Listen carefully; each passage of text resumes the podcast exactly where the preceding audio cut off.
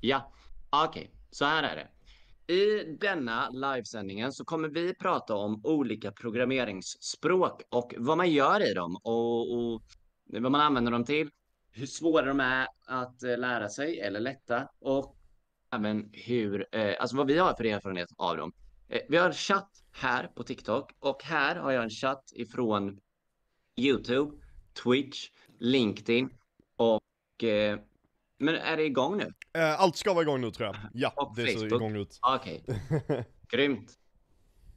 Då eh, ska vi prata lite om programmeringsspråken. Just det, det jag skulle säga var att vi ser chatten här på TikTok och på de här andra kanalerna. Så skriv i någon kanal så, så ser vi era frågor och om det är någonting som vi kan svara på så, så svarar vi på det helt enkelt. Ja. Jag fick en fråga direkt. Nej, två stycken kommentarer på TikTok, varav en är en fråga och en är en, eh, bara ett eh, påstående.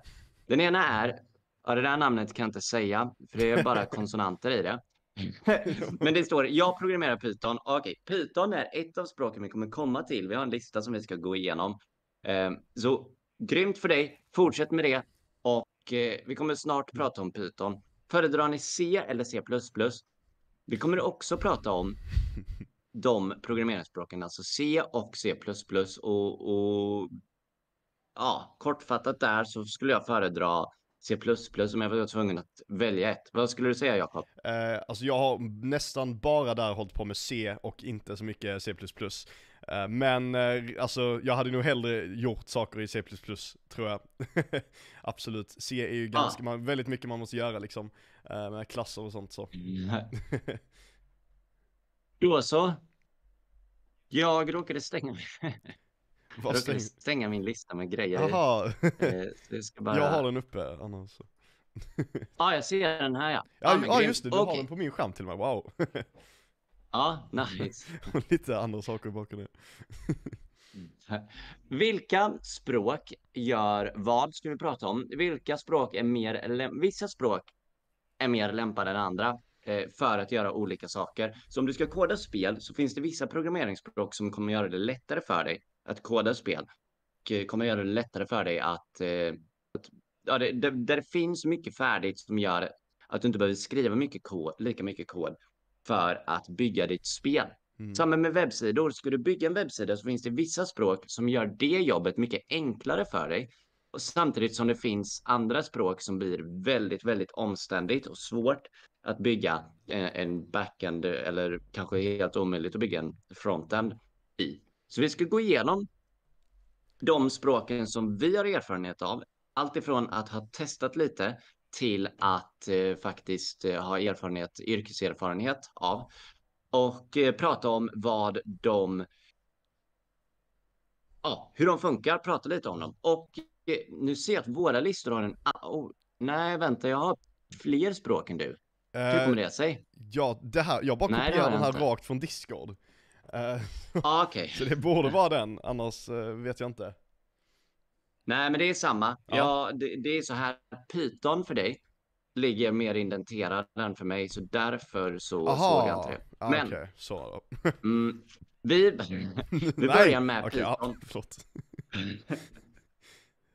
Python är ett enkelt språk att lära sig som används väldigt mycket för typ statistik, att bygga AI och eh, olika typer av makron kan man säga. Men också så går det att använda för att bygga spel. Det, Python är ett av de språken som är väldigt, alltså har väldigt brett användningsområde. Man kan göra väldigt mycket i Python och Python används i i stort sett alla större företag som eh, behöver någon typ av eh, programmering.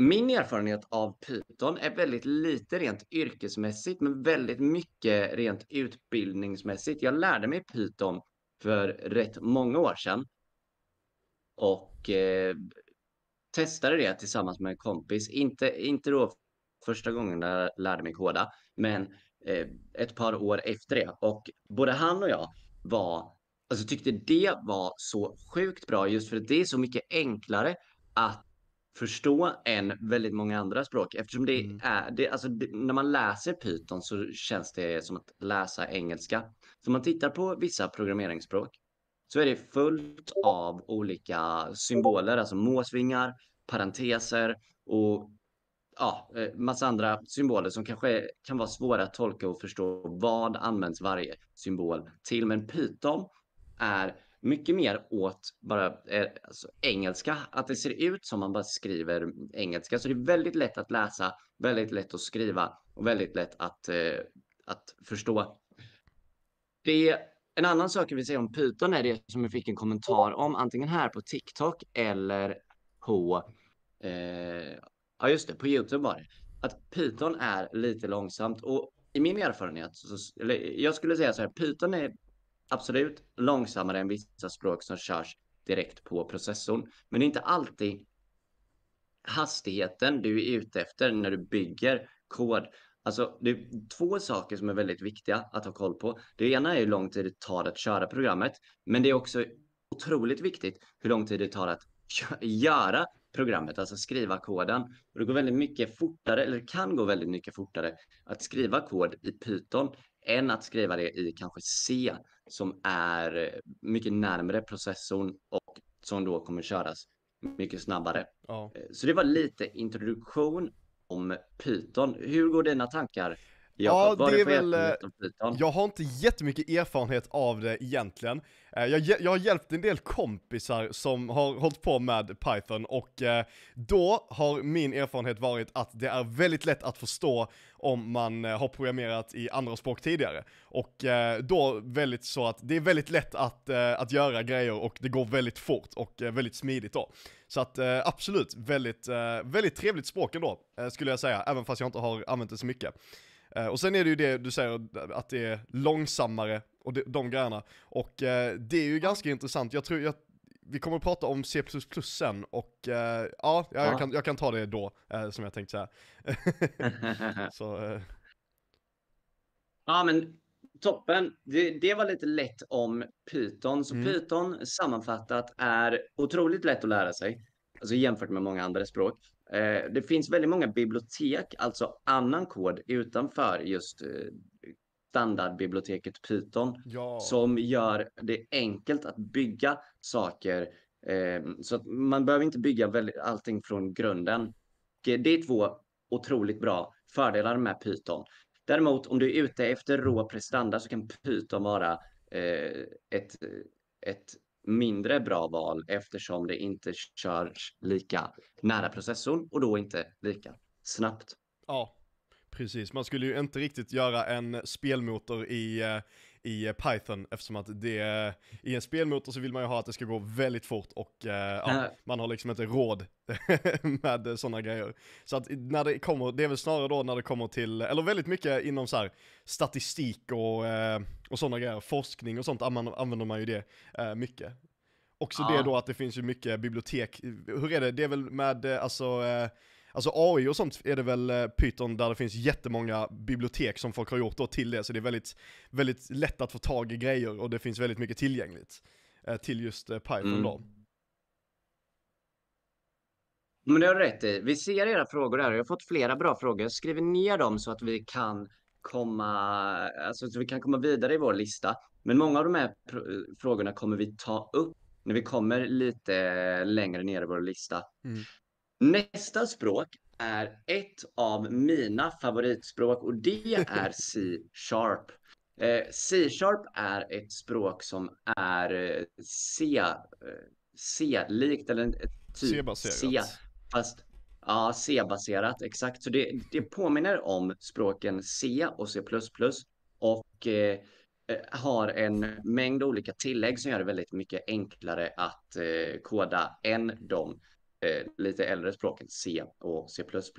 Fördelen med C-sharp är lite som Python, att det är väldigt lätt att förstå eh, samtidigt som det är det, det tvingar dig till en typ av struktur. Alltså om du ska bygga stora program så behöver du väldigt mycket, mycket struktur. Du behöver ha, eh, alltså behöver bygga din kod på ett sätt så att inte bara så att du kan bygga den nu och att den funkar, utan också så du kan underhålla den så att du kan komma tillbaka till den och så att andra kan komma in i din kod och se vad den gör och förstå vad det är de behöver eh, ändra för att göra vissa ändringar. Så det, C-sharp är otroligt användbart just av de anledningarna. Och samtidigt, just på grund av att det är eh, så bra för just strukturerade större program, så används det till allt ifrån webbutveckling till att programmera och kommunicera med databaser och bygga backend för just webb eller appar och eh, spelutveckling då som Jakob är proffs ja. på. Vad, vad har du för erfarenhet av C-sharp? Ja det är ju, det är ju då framförallt eh, spelutveckling som eh, där jag då använder C-sharp och eh, det gör jag ju, det, så därför tycker jag det är väldigt nice och eh, det är alltså ett väldigt skönt språk att skriva i skulle jag säga. Alltså bara det, man brukar ju mm. säga att eh, C-sharp är Alltså en improvement av Java, typ. Det är väldigt likt Java. Eh, och eh, det är, det, i min erfarenhet då som har hållit på mycket med Java också, så är det verkligen så att eh, C-sharp är en bättre Java där grejer funkar, typ. typ ja.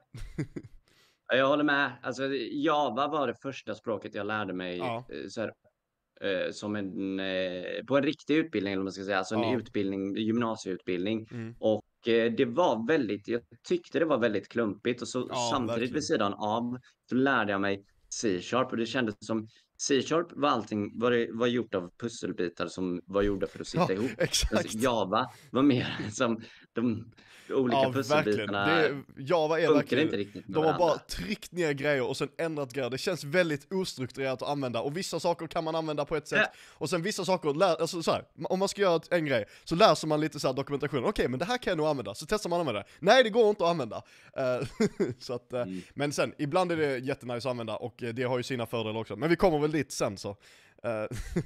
ja precis, det har, vi, det har vi lite längre ner. Ja. Mm, vi fick en fråga om om jag hjälper med Jakobs spel och nej, det gör jag tyvärr inte. kan kanske, jo, eller ja, inofficiellt lite. Jag, jag delat lite kod och sånt med ja, eh, Jakob, men det är inte så att jag är med och bygger det på något sätt. Vilka språk före, föredrar ni om man ska ha en grupp av personer som försöker bygga en webbsida?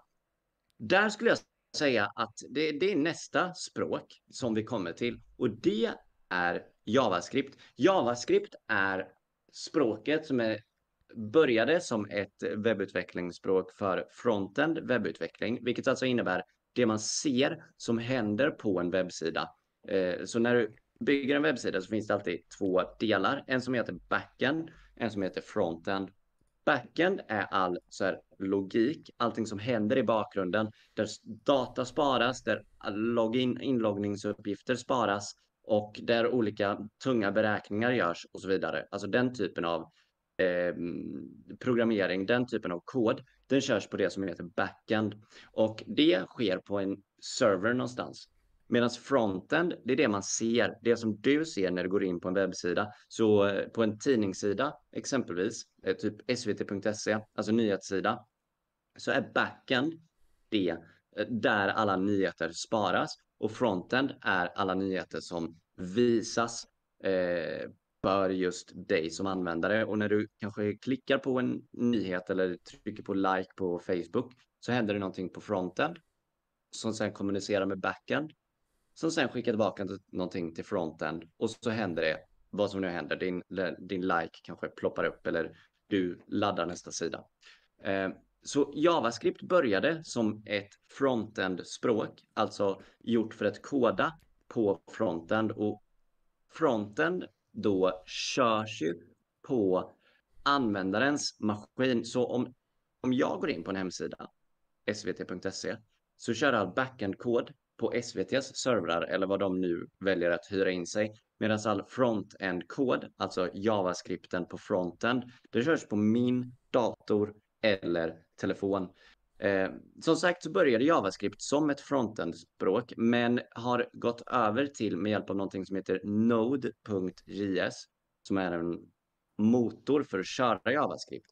Eh, den här motorn används nu för att skriva JavaScript-kod som körs även på backend och även eh, olika typer av applikationer som är en blandning mellan backend och frontend. Så med hjälp av JavaScript och med hjälp av Node.js kan man bygga eh, nästan vad som helst med JavaScript. Så JavaScript av den anledningen, plus att det är enkelt att lära sig och relativt enkelt att förstå. Så det är användbart och relativt enkelt. Och av den anledningen så är det alltså extremt eh, populärt. Alltså det, jag tror det är det populäraste språket på GitHub, vilket ja, är en sid koddelningskälla. Ja. Så det, det, är lite kort om JavaScript. Vad har du för erfarenhet av JavaScript? Ingenting alltså, ingenting. Jag har aldrig hållit på med eh, varken JavaScript eller någon annan eh, webbutveckling. Så där har jag inte mycket att säga. Okej. Okay. Har du något eh, intresse av att testa webbutveckling utöver POP då som du, ja, alltså, du kommer till sen? Ändå, ändå lite, absolut. Uh, det verkar ju inte jättehemskt. och uh, jag kan ändå se att uh, det hade varit nödvändigt. Så det är mycket möjligt att jag kommer göra någonting i och med att jag håller på mycket med spel. Så nu har jag hållit på då lite med mer klassisk backend-utveckling då. Eh, när jag håller, på med databaser och sånt till mitt spel. Och det påminner ju väldigt mycket då att det blir att man, eh, att man gör att den ska kommunicera till backenden och eh, sen tillbaka och sånt. Så eh, absolut. Just det. Men då, eh, jag fick en fråga förresten, är två saker där. Första är TypeScript bättre än JavaScript? Och korta svaret på det är det som är bäst är det du kan bäst. Så om du föredrar TypeScript så bör du använda TypeScript och föredrar du JavaScript så bör du använda JavaScript.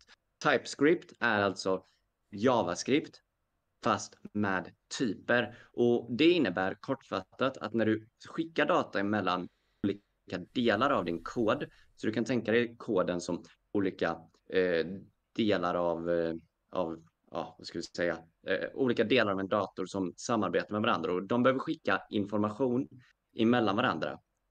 Så när du skickar information från ett ställe i din kod till ett annat i JavaScript så behöver du inte skriva vad det ska vara för typ av information. Alltså är det text eller är det eh, en, en, siffra eller är det något annat?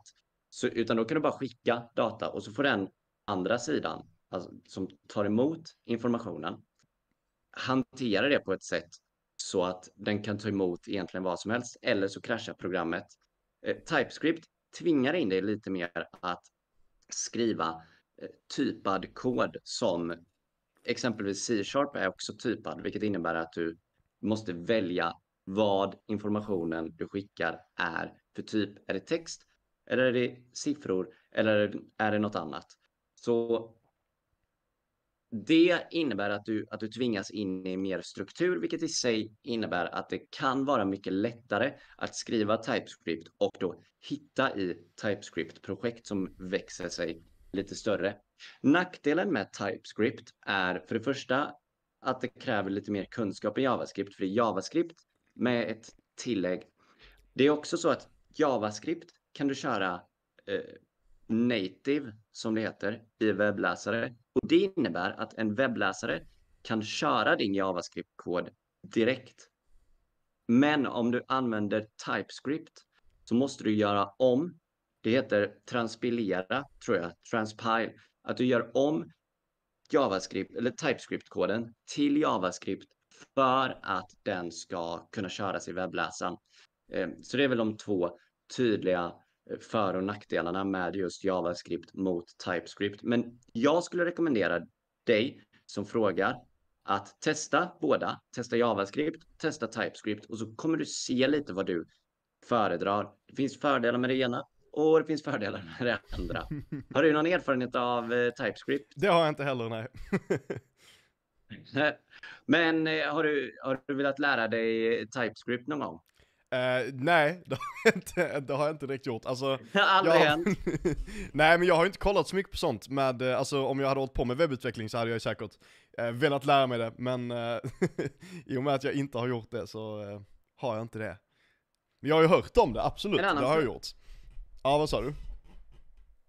En annan fördel med just TypeScript och JavaScript Mm. Eller en bra sak med just TypeScript och JavaScript, men som även C-sharp och Python också har, men inte lika utbrett, det är att du kan bygga mobilappar med JavaScript eller TypeScript i någonting som heter React Native.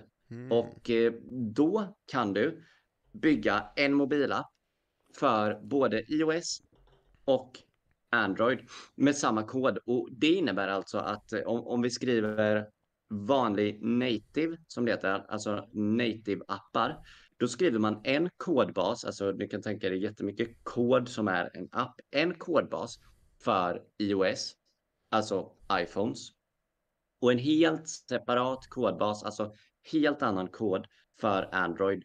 Och då måste du uppdatera de här liknande. Så att om du gör någonting på iOS, alltså på iPhone-appen, så, alltså en ändring som kodare då, då måste du gå in och göra samma ändring eller ha ett helt eget team som gör samma ändring mm. för Android. Medan du kan med JavaScript eller TypeScript bygga eh, samma kod och sen liksom eh, kompilera den koden till en app, alltså göra om den till en app för iOS och Android samtidigt. Det är oftast lite pill när man väl ska bygga den för båda plattformarna att göra så att den funkar likadant på båda. Men det är väldigt mycket mindre pill än om man ska göra en app som funkar för, eh, alltså som har olika kodbaser för de olika plattformarna. Mm. Ja, det hade varit en perfekt segway till eh, Java.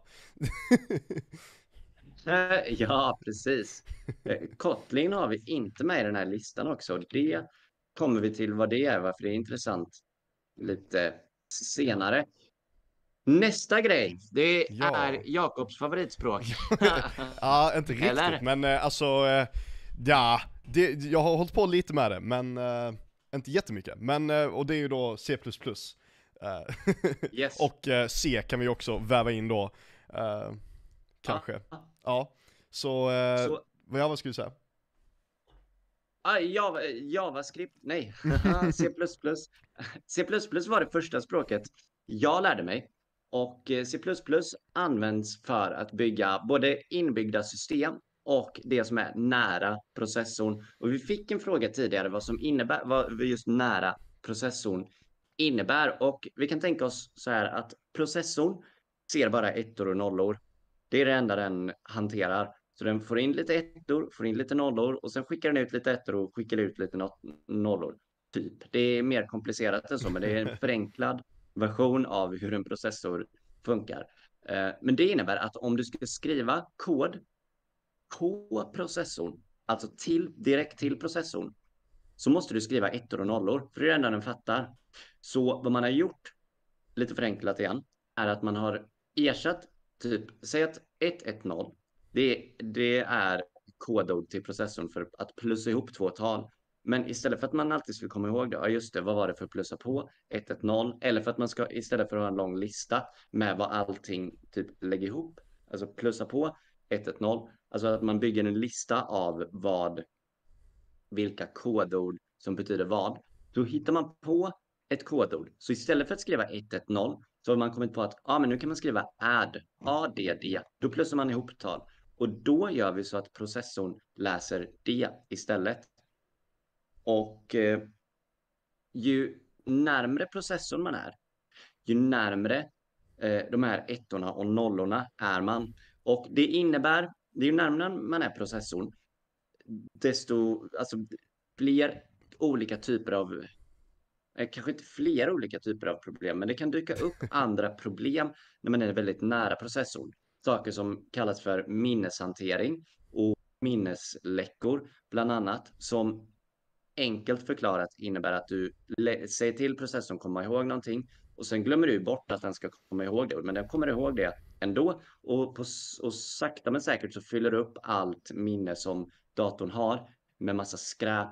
Så vissa språk som är längre ifrån processorn hanterar det här åt dig och är väldigt mycket enklare kanske att läsa och förstå för att de har språk som påminner mer om engelska än ettor och nollor. Och C++ är relativt nära processorn, vilket innebär att språket kan vara lite kom komplicerat och eh, du, du kan få den här typen av minnesläckor eller du måste ha koll på vad du gör med minnet. Samtidigt så har du eh, väldigt mycket mer kontroll, för du kan i stort sett med C++ hantera och peka på och styra de separata enskilda ettorna och nollorna. Mm. Så eh, C++ används av den anledningen för att bygga processornära kod och inbyggda system som är alltså kod som körs i stort sett på, alltså direkt på processorn. Vänta nu ringer min. Så den typen av eh, kod använder man C++, eller den, den typen av projekt använder man processorn till. Jag är i ett projekt just nu som jag bara kan berätta extremt lite om egentligen, men kortfattat så är det en typ av chip som en leverantör bygger och så ska jag göra någonting med det. Jag kan inte säga mer, men då har den här leverantören skrivit massa C++-kod och så skickar de över det till mig och så bygger jag den koden eh, och skickar över till mitt testchip som jag har här på kontoret och sen testar jag lite grejer med den och eh, ser hur det fungerar med kod som jag har skrivit. Och de skriver C++ och eh, jag eh, skriver då TypeScript mm. för att kommunicera med chippet. Vad har du för erfarenhet av C++? Uh, jag har hållit på en del med eh, C++. Jag har kollat ganska mycket så tutorials på det för att uh, jag inte har haft någonting att göra och så har jag suttit och gjort det. Uh, och sen har jag också uh, hållit på en, en del med C då i skolan. Och det är ju lite liknande då, just det där du säger med att det är liksom nära processorn och low level. Uh, och det är ju, många brukar ju tänka att uh, bara för att det är liksom, eller man brukar kanske höra då att ah, C och C++ är de snabbaste språken och det går väldigt fort. Uh, eller då att, ja. och det är ju då för att man kan ju, alltså på ett sätt optimera då väldigt, lätt, alltså väldigt bra i de här språken. Att om du är ja. duktig och vet vad du gör så kan du skriva kod som är 100% optimal för ändamålet då. Uh, sen nödvändigtvis, behöver det nödvändigtvis inte betyda att bara för att man använder det kommer det gå fortare. Om man då tänker på, uh, alltså med, uh, med assembly då som är det du sa då när det är de här add-orden och det är helt enkelt instruktioner. I princip då exakt som maskinkod fast i ord. Och då är det ju i princip, jag tror det är väl så att all C och C++-kod eh, compilas till assembly, eller i alla fall maskinkod som sen hade kunnat översättas till assembly, eller? Jag är inte hundra, men jag tror det är så. Vilken, eh, det beror på vilken eh, kompilator du har. Kortfattat ja. så funkar det ungefär så att din kompilator är skriven för en viss processor om du inte har eh, ett lager däremellan. Så i, när du skriver C-sharp så bygger du koden till maskinkod för .NET-motorn mm. eh, som ligger alltid som ett lager mellan din C-sharp-kod och processorn och den .NET-motorn eh, tillåter dig att köra samma kod på flera olika processorer ja. och så kommer den funka likadant. Medan eh, C++ kan du behöva bygga, skriva på olika sätt beroende på vilken processorarkitektur och alltså processortyp du använder. Um, så ja, var det ens ja, svar på din nej, fråga? Men det, det, är ju typ så att uh, Alltså det finns ju olika typer för olika process processor uh, manufacturers liksom, så är det olika typer av assembly-språk. Uh, men som ändå då är i stort sett, i stort sett väldigt lika liksom. Eh, men nej, så att då har jag i alla fall hållit på med eh, rätt mycket C till inbyggda system och eh, inte lika mycket C++. Men jag planerar på att sätta mig in mer i C++. För det är ett väldigt, alltså språket används ju inom väldigt mycket. Specifikt också då med alltså datorspel som jag håller på med. För då är det ju väldigt mycket C++ i i princip allting. Det finns ju få grejer som, inte, som jag använder som, alltså till exempel då Unity eller Blender och sådana grejer som inte är gjort i C eller C++. Uh, för så är det ju också, även fast i Unity, som är en spelmotor då, så ah, skriver man ju koden i C-sharp, men själva spelmotorn är i grunden gjord i C++. Eftersom att det är uh, väldigt snabbt och eh, sådär. Så ja, väldigt mycket som man använder är ju gjort på C++ då. Eller gjort i C++. Just det. Ja, det har du rätt i. Och, och de här um, chippen som jag pratade om, eh, fördelen där med C++ är just att man har en eh, full kontroll och mm. tillgång till hårdvaran. Och det är samma anledning att eh, många spelmotorer är skrivna med just C och, och C++, ja. just att de har tillgång till eh, de enskilda här, bitarna och ettorna och nollorna, vilket gör att man kan göra ett högpresterande eh, spel eller en högpresterande spelmotor som gör precis det man vill med processorn och med grafikkortet. Eh, däremot, som sagt, det kräver att man tänker fyra steg extra Ja. så man inte börjar lämna efter minnesläckor och kraschar alltihop. Ja, det är ju det som Och- är lite, det är det som är det störiga med det, att eh, man måste ju veta exakt vad man håller på med och eh, hur eh, minne funkar och sådana grejer. och därmed är det ju också många gånger väldigt mycket osmidigare att göra saker i det. Och det är därför man inte gör vanliga grejer kanske då i eh, C++ eller C eftersom att det tar längre tid att skriva och man behöver göra mer saker som andra programmeringsspråk gör åt en helt enkelt. Um, Alltså sakerna händer ju fortfarande, allting som eh, man behöver göra i C++ och C, eh, det händer ju i andra språk också, det är bara det att det sker bakom gardinen och man behöver inte tänka på det. Ja, exakt. Och ja, det, det var en eh, tydlig grej när Java kom, eh, som vi, vi kommer komma till Java eh, näst, nästa språk vi pratar om. Men Java var tydligt att deras selling point, alltså det de ville ha ut med Java, bland annat, var just att Java är som C++, fast du behöver inte tänka på minnet. Mm. Alltså vi fixar det, vi hanterar det. Och eh, ja, skriv din kod istället. Precis. Så det, det var en tydlig här, grej som Java gick ut med, eller de skaparna av Java sa just att Java, du kan strunta i minneshanteringen. Ja, Innan vi går vidare till nästa språk så fick jag en lite kul fråga här just om, eller två stycken. Okej, det första var eh, gällande C-sharp som vi var i innan, eh, eller som vi pr- pratade om innan, så frågade vi, frå, fick jag frågan om man kan bygga appar och sånt i det, eller rättare sagt så, för, hur funkar det när man programmerar i C-sharp om man vill bygga till både iOS och Android? Och vi fick även svar på det här i min chatt. Men för de som inte ser min chatt så är svaret alltså att det finns en, eh, ett bibliotek eller ett eh, ramverk för C-sharp som heter Samarin med X. Så Xamarin. Och det kan du använda för att bygga eh, appar till iOS, Android och jag tror även Windows-appar med en och samma kodbas. Och eh, jag tror att det är, eller rättare sagt så här, jag testade det för när jag gick i högskolan för vad var det, fem år sedan kanske, tillsammans med en kompis. Och vi, vi fick aldrig igång det, vi fick det aldrig att funka.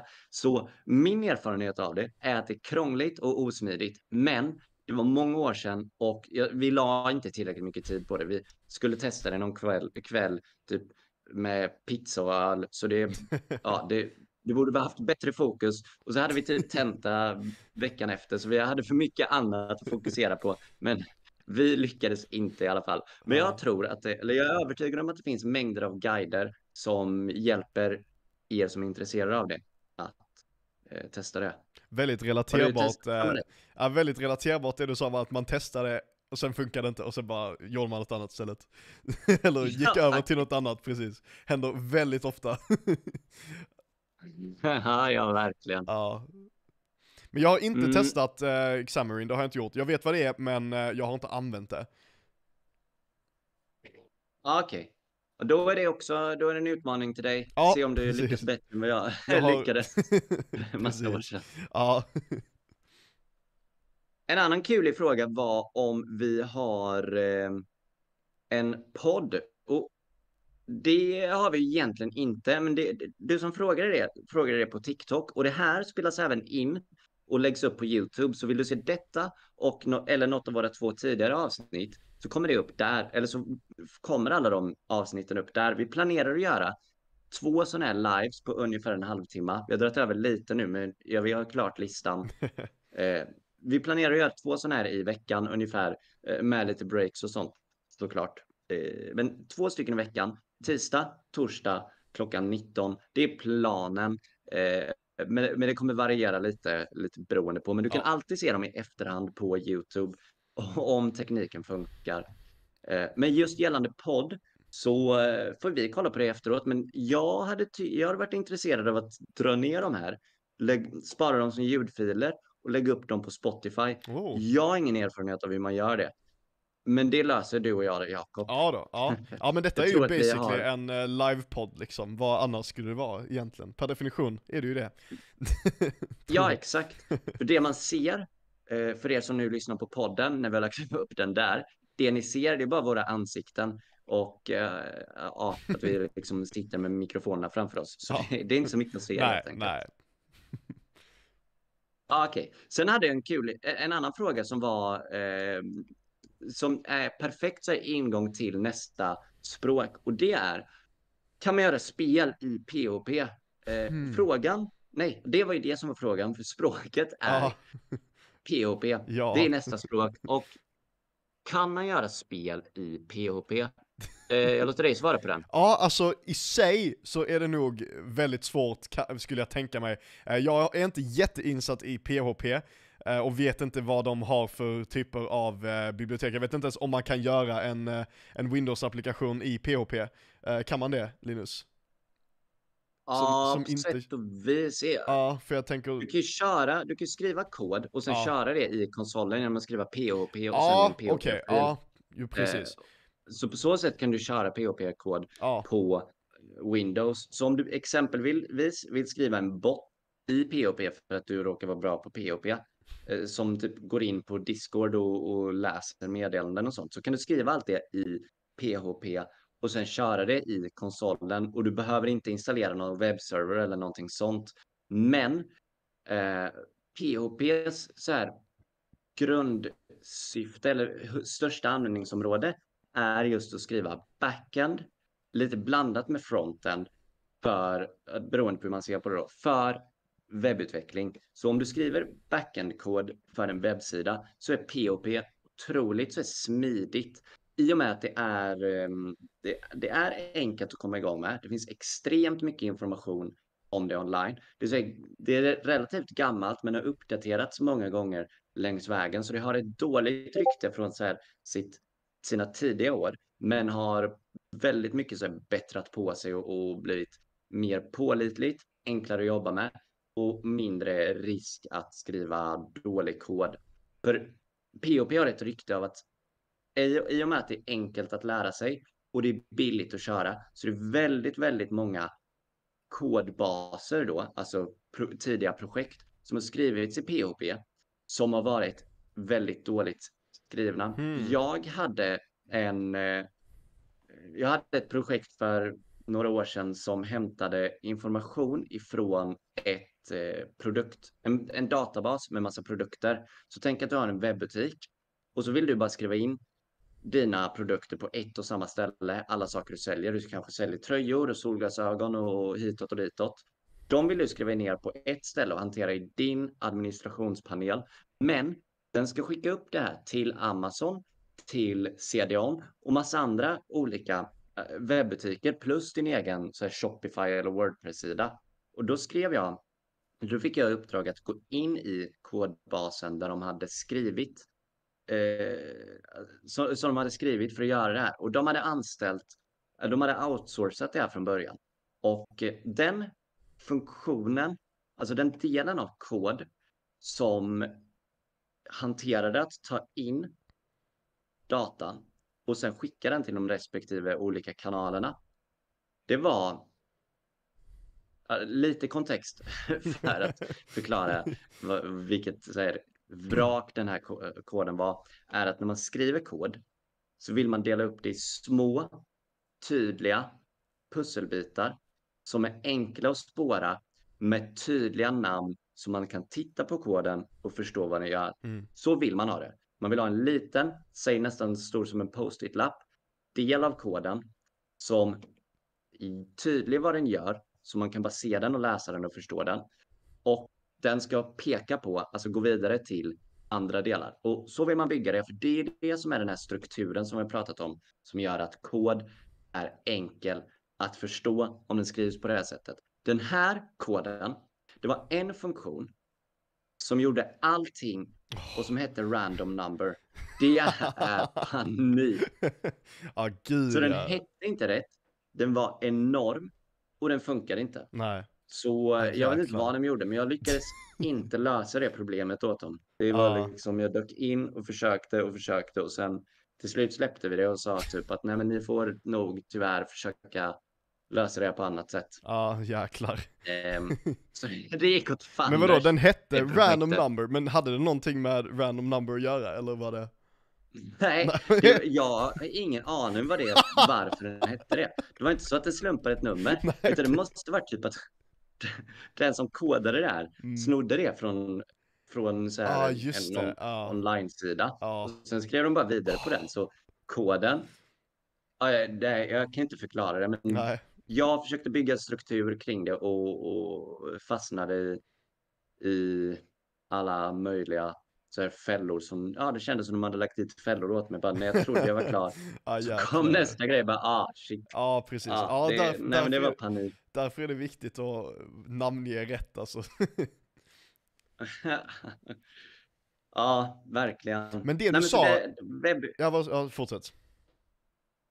webbutveckling är grundsyftet med just POP och eh, det här var alltså en webbsida som hade hand om de här eh, olika produkterna och sen skickade ut dem till olika kanaler. Eh, ja. Vad har du för erfarenhet av POP? Eller vad, Eh, hade du en fråga till Ja, mig nej, jag hade först bara en liten avstickare det. Var det är intressant det du sa med Ja. dåligt rykte på PH. Eh, POP. Ja. Och det är ju exakt samma sak eh, när det gäller Unity där skulle jag säga. Eh, för det är också så att det är väldigt, alltså väldigt mycket information som finns om det. Man kan lära sig det väldigt lätt på internet och det kostar ingenting. Och därmed så har det blivit så att jättemånga nybörjare har lagt upp jättedåliga spel på det. Så det finns jättemycket Unity-spel som är skitdåliga. Och Unity har som så att alla spel som är gjorda i Unity, som man inte betalar för att använda Unity, så står det tydligt på skärmen när man startar det, Made with Unity. Och det har då gjort att Unity har fått ett jättedåligt rykte för att alla förknippar det, oj vänta, för alla förknippar det med den här extremt stora mängden av dåliga spel. Eh, det är också lite intressant. Ah. Ja men det kan jag känna igen, att man Ja. ser den här Unity, Made with Unity-loggan. Ja, det är ja. en sån här kub det första Ja, man precis, ser. Då tänker man, ah shit, det här är budget. Exakt, om man då jämför med någon, med någon annan spelmotor som då, eh, där det inte finns lika mycket eh, material att hitta liksom och inte lika lätt att lära sig på det sättet. Då är det inte alls samma, eh, samma sånt liksom. Så det är lite intressant, därför tror jag, Nej. därför är det väldigt många som tänker, ah Unity, det är ju bara dåliga spel som är gjorda i Unity. och sen också då, eh, att de, alltså riktiga spel då, som är gjorda i Unity, eh, som liksom tjänar stora pengar, de har betalat eh, för att inte ha den här loggan. Så de bra spelen som är gjorda i Unity står det inte att de är gjorda i Unity.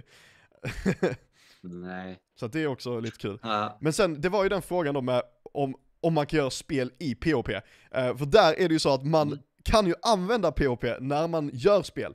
Kanske inte då att man gör själva spelet i sig i POP, men det finns ju väldigt mycket andra saker man kan använda POP till. Eh, till exempel då, alltså när man gör lite liknande saker som webbutveckling, till exempel då databaser och servrar, så använder man ju även det i spel. Eh, så då behöver man ju också använda eh, liknande grejer för att kunna kommunicera med eh, backenden då i spelet. Så till exempel då om man gör ett inloggningssystem där man ska logga in på spelet så vill man då till exempel då eh, eh, få spelet att kommunicera med en databas där man har sparat alla inloggningar. Och då kan man då använda POP Ja. på servern då helt enkelt. just det. Och det har rätt i, för det är en viktig sak att ha koll på med just eh, ah, när man bygger klientbaserade applikationer, vilket är alltså typ spel och eh, webbsidor. Det är att det, det som är frontend, antingen webbsidas frontend eller själva spelets frontend, det man ser, det har egentligen den som använder datorn full kontroll över. Du kan gå in som besökare på en webbsida och börja ändra texterna där Ja, i alla fall hur det ser ut för dig. Och samma är det på ett spel. Så om det är någonting som är viktigt att andra, eh, alltså typ i ett spel som World of Warcraft där det är, där många personer samarbetar, då är det viktigt att den informationen om typ vad du ha- har för levlar och så vidare, den får inte sparas eh, eller ägas av och sparas på datorn där spelet körs. precis. För då kan ju vem som helst gå in och ändra det och då behöver man en backend som har koll på det och en kommunikation emellan backenden, alltså servern, och frontenden, klienten, som säkerställer att eh, användaren inte kan eh, ändra de här sakerna. Ja, precis. En, Kulig sak med ja. POP, eller kulig, men en intressant sak med POP är att eh, Facebook är byggt i POP. Hmm. Så det är väl ett, ett av de största projekten eh, som har byggts med POP och eh, Wordpress som är eh, en extremt vanlig, den absolut vanligaste så här, webbsidebyggaren. Den är också skriven i POP. Så det är två stycken extremt stora projekt som är världskända som är skrivna med POP. Mm. Hade du, vad hade du, du ville säga? Ja, nej, jag tänkte på det bara när vi, alltså med, eh, med eh, backen då i spel eh, när det gäller server och sånt. För det är ju Mm. också, inte bara för att folk ska fuska, så eh, man, det finns ju också, om man tänker i ett spel då när det är viktigt att, eh, alltså säg till exempel ett skjutspel, då kommer ju, i och med att det finns en viss, eh, en viss delay till servrarna som man är uppkopplad emot, så kan det ju vara så att jag kanske skjuter mot en person, men, och att jag på min skärm ser den personen, med, medan då på dens skärm så ser inte den mig, eftersom att den redan har gått iväg, och att då det är någon form av delay där. Och på, för att då kunna motverka det, så brukar man också göra en del viktiga beräkningar på servern. Så att det liksom inte sker på en klient då, utan det sker liksom samma för alla. Eh, Så där, där är det också viktigt då, så många saker brukar man dela upp då i spel, att vissa saker gör man på servern som är eh, mer viktiga, och sen vissa mindre viktiga saker gör man då på klienterna eh, själva, helt enkelt. Ja, för ja, innan vi släpper det, det sista, det viktiga att ha i åtanke där är att det som sker på klienten, det påverkar ju inte. Det är väldigt mycket dyrare för en utvecklare att, eller för de som äger Ja. spelet, att göra beräkningarna på servern. Exakt. För på servern så måste de eh, ha hand om processorkraften och har du tusen spelare så är det tusen gånger så mycket Ja, beräkningar som du behöver göra. Så du vill göra så mycket som möjligt hos klienten. Men gör du allt hos klienten så stöter man ju på den här typen av problem som du berättade om att det inte är synkat eller att, eh, att de äger och ändrar på datan själva Ja. och sådana saker. precis. Så det är alltid en avvägning man får göra och det gäller både webbsidor och, och spel. Ja. Ja, okej. Ska vi gå vidare till nästa då eller? Yes, exakt. Och det är Det Java. finns ju ett språk som heter Java. Ja, Ja, precis. Det finns ju ett språk som heter JavaScript som vi pratade om tidigare. Men det finns också ett språk som heter Java. Det är eh, fullt förståeligt att man som eh, ny i programmering kanske tänker att det är samma. mm. Men det är bara ett extremt eh, förvirrande namn för de är väldigt lite med varandra att ja, göra. ja verkligen. Ehm, och eh, Java är alltså ungefär som C++. Vi pratade om det tidigt. Det är alltså ett språk som tillåter dig att bygga backen och bygga mot databaser och du kan bygga spel i det. Eh, det finns ett spel som heter, jag tror, alltså Minecraft är väl eh, Ja, absolut är ett av de mest kända spelen som Ja, byggts precis. i Java. Det finns också ett som heter RuneScape som jag har spelat ah. väldigt, väldigt mycket. Det är också byggt i Java och jag vet inte om båda de har gått ifrån Java, men jag vet att RuneScape har till viss del gått ifrån Java och, och kör i så här HTML5 eh, med Canvas och grejer nu. Och så har de byggt en helt egen klient.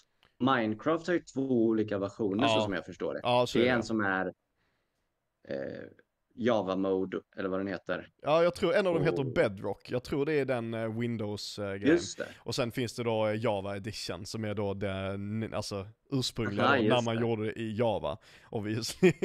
Ja. Just det, det har du rätt i.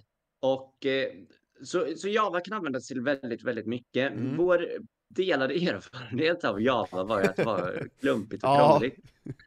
Eh, jag, jag tror att det är jäkligt bra, men det är lite som POP att man behöver. Det finns vissa, eh, vissa. mm, Man måste ha koll på strukturen, man måste byggas på rätt sätt. Men om man bygger på rätt sätt och har koll på vad man gör så tror jag Java är väldigt användbart.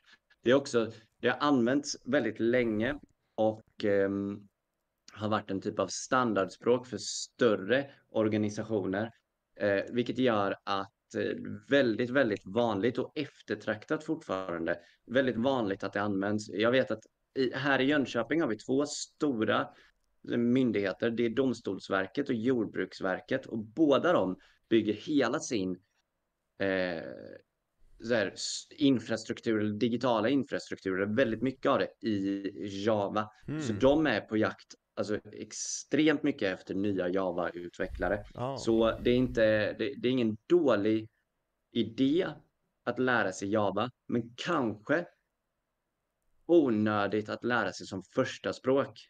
Eh, hur går dina tankar? Uh, eh, ja, alltså det är väl det snarare att uh, det är mycket som är gjort i Java som då uh, behöver underhåll och sånt. Och sen en del också såklart som, som görs i Java. Alltså det har, det har ju såklart sina för och nackdelar, framförallt är det bästa med Java då väl att, eller det som ska vara, i alla fall förr tror jag det var så att, att det var väldigt tydligt att Java är det som körs på allting i och med att det körs ju i en virtual machine. Uh, till skillnad från uh, de flesta andra språken, det körs ju inte direkt på uh, alltså processorn som då C eller C++ gör. Utan, så ja. det, det, gör ju att det kan köras på i princip allting då som kan, kan köra den här virtual maskinen då. Så då, alltså, det är återigen det, vad var det vi sa innan om det var TypeScript? eller jag tror det, att man inte ah. behöver skriva om saker till andra enheter. Om man gör liksom till Windows eller Mac så, behöver, så kan du använda exakt samma kod och exakt samma projekt liksom. Um, och sen då bara bygga det, alltså det är samma, samma program exakt, bara det att du måste ha en annan, uh, alltså ha en, typ ett program installerat på din dator för att kunna köra det, som då finns till olika uh, typer. Så att man kan köra koden på mm, i princip allting då, vilket är smidigt. Just det, för det var en annan, eh, en annan selling point som de använde ja. när, eller för, för att liksom sälja Java. Det var just att build once, run anywhere. Alltså ja. du kan bygga koden en gång och ja. köra överallt. Och samma är det med C-sharp, att du kan bygga koden och eh, köra den med hjälp av det som kallas för .NET-motorn mm. på väldigt många olika enheter. Så det är en fördel med både Java och C-sharp till skillnad från vissa andra språk som typ C och, C++. Ja, precis. Eh, när man bygger iOS-appar, alltså iPhone-appar, så använder man någonting som heter Swift och eh, ja, ett språk som heter Swift. Eh, och innan man använde Swift så använde man någonting som hette Objective-C. Och de har jag väldigt lite erfarenhet av, så jag kan egentligen inte säga någonting om dem. Jag, jag, jag kan, kan, inte uttala mig om dem, men har du någon erfarenhet av dem? Eh, vad var den första du sa? Var det Swift? Objective-C och Swift. Uh, jag vet inte vad skillnaden mellan Objective-C och uh, vanlig C är. Uh, det vet jag inte. Typ Apples e-, egna specialversion av C förstår jag Aha, det som. Okay. Jag har också för lite erfarenhet. Ja, nej, jag, jag, kan nog inte heller säga så mycket om det tror jag. inte det andra heller. Swift, ah, okej, okay. då så. men en annan, vad, vad jag ville komma till med det var att det gör man för, det använder man för att bygga Android-appar. Nej, iOS-appar.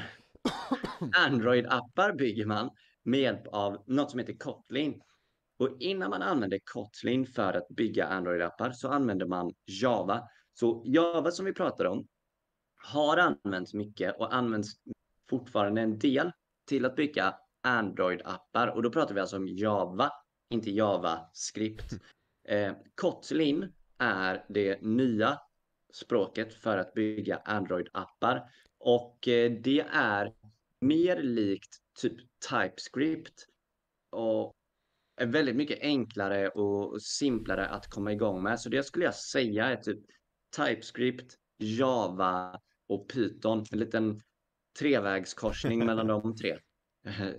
Men även där är jag inte jättemycket att, eh, att säga till om och tycka till om. Jag, jag tycker att det är rätt så smidigt, men det finns lite skillnader ifrån många av de språken som jag har erfarenhet av sedan tidigare, som gjort att jag haft lite svårt att sätta mig in i det. Men, eh, men det är rätt enkelt att fatta när man väl börjar. Ja. Har du testat det har, det har jag inte gjort, äh, faktiskt, inte alls. Jag bara ser varje gång äh, jag startar äh, IntelliJ som är ett program där man programmerar Java så står det alltid att man kan välja Kotlin. det är min ah. enda erfarenhet av det. Du fick en fråga om det är svårt att göra mobilappar och egentligen nej, inte speciellt. Och det, det du behöver lära dig är typ JavaScript eller TypeScript. För det var också någon som skrev här i min chatt att om du eh, Eh, bygger, eller att det är bättre att lära sig JavaScript eller då TypeScript skulle jag säga, något av dem. För då kan du bygga med hjälp av det som heter React Native som ett ramverk, alltså ett, en, en stor samling med kod. Då kan du använda React Native och TypeScript tillsammans för att bygga just eh, Android och iOS-appar samtidigt.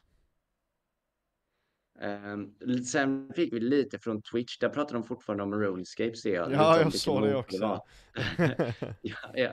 Jag hade tydligen för dålig koll på det, för RuneScape 3, det finns två versioner av RuneScape. Det är den gamla, att de så här återupplivade den gamla versionen som alla kom ihåg och där alla mådde bra. Och så har de den nya där de har förstört alltihop och gjort så att man, ja, combat-systemet är helt snett. Ja, det är kast. Så det nya använder något som heter, vad stod det? NXT, en spelmotor. Och eh, mm, det gamla använder någon version av Java som de kallar för runescript. Eh, lite, just det, där fick vi bra fråga också. Vad är skillnaden mellan TypeScript, nej, mellan React och React Native? Och enkelt förklarat är det så här. React använder du för att bygga webbsidor och React Native använder du för att bygga appar. Det är den enkla förklaringen. Det är fler skillnader än så, men mer tekniskt behöver vi inte gå in på det, för vi har gått 25 minuter över vår tid nu och vi har ett språk kvar vi ska hantera. um, Lua heter det. Och anledningen till att jag tog upp Lua är inte för jag har någon erfarenhet av Lua. Det har jag inte. Väldigt lite. Ah. Eh, det är för att jag fått frågan några gånger på min TikTok om jag kan ta upp Lua och göra en guide i det.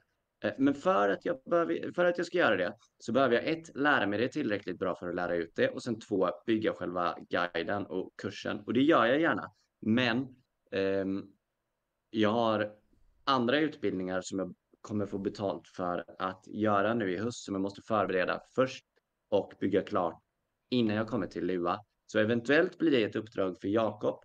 Men mm. vi, vi, får se lite. Ja, det Hur ser det ut för dig med ja. Eh, Lua? Ja, jag har aldrig använt Lua. Jag vet, jag har hört när det var så här uh, GTA 5 och uh, mods och sånt tror jag det var mycket Lua.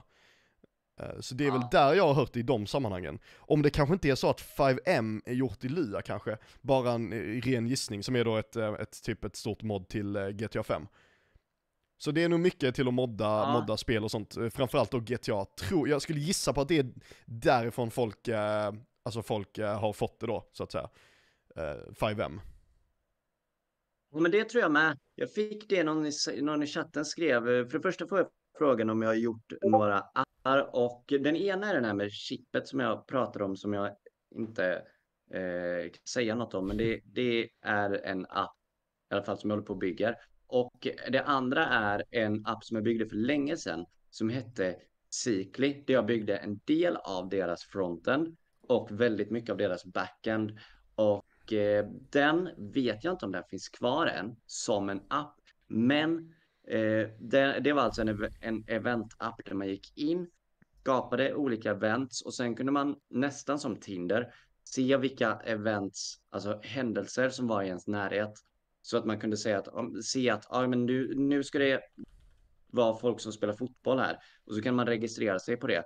Och så ser man, okej, okay, kommer, de kommer spela fotboll nästa vecka mm. klockan 10 på torsdag. Och så går man dit och spelar med dem och så kan man chatta i eventet och, och sådana saker. Um, så det var jäkligt kul. Det var ett av mina första jobb. Ja. Uh, det men... lät coolt. Oj, jäklar. Linus! Du, får du försvann i Discord, Linus. Körde det? Vänta, ja, det jag tror det gick åt fanders.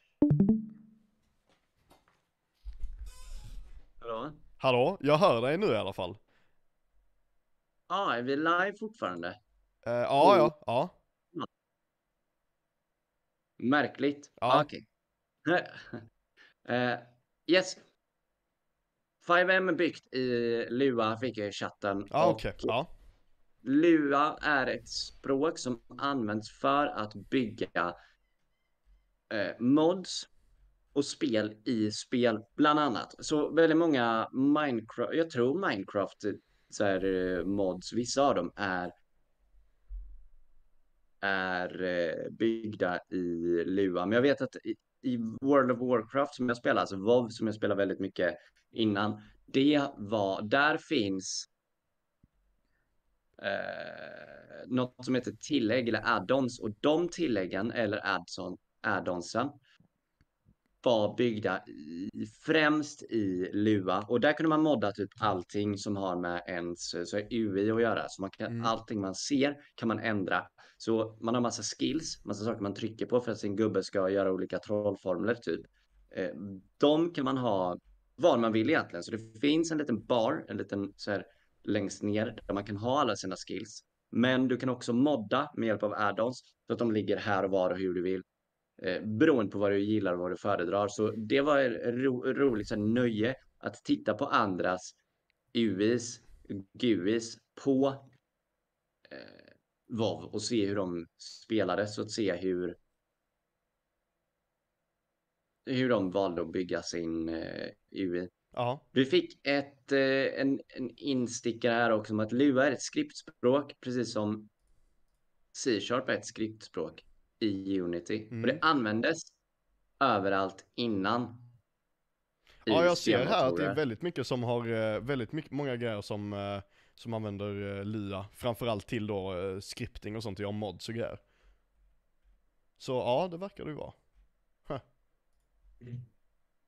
Ja men grymt! Ja. Då har vi hanterat alla olika, alla olika språk. Ja! Sista grejen jag vill säga är att, eh, innan vi går på avslut då, är att vad har hänt med min kamera förresten? Är det jag eller du som har eh, Du, del, du har inte din kamera på, på, eh, på Discord, det är nog därför. Varts det?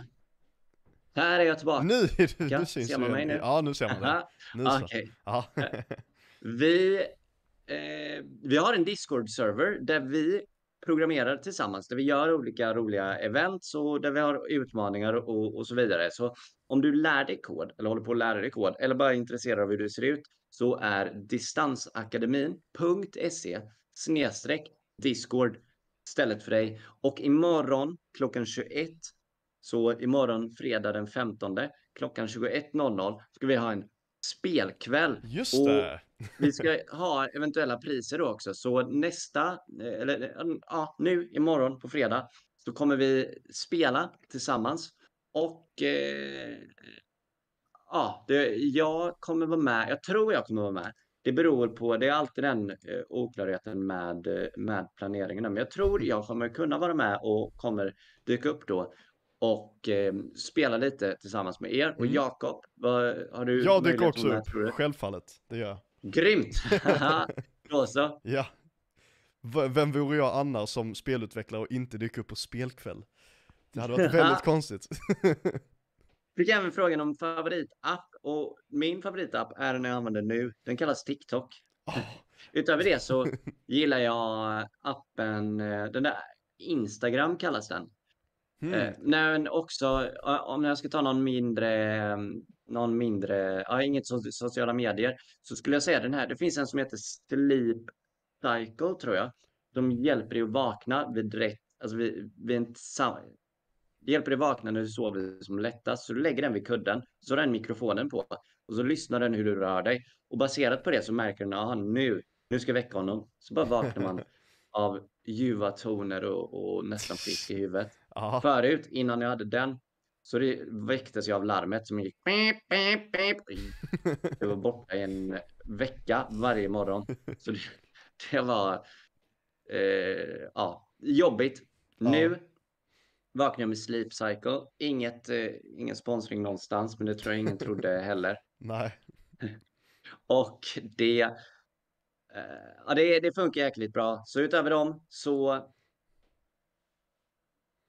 skulle jag, utöver sociala medier skulle jag säga Sleep Cycle. Hmm. Du då? Uh, ja, jag skulle väl också säga TikTok då. Det är väl där jag spenderar mest uh, tid då förmodligen. Oj, vad händer nu? bytte hörlurar. Jag tror mina Jaha. hörlurar hoppade ur. Jag ska bara sänka så du inte hör dig och Ja, mig precis. samtidigt. Ja. Nej men min är i alla fall TikTok då, eh, förmodligen. Det är där jag spenderar mest tid på min mobil. Utöver det så, eh, ja, vad kan man säga då? Väderappen och eh, klockappen skulle jag säga då.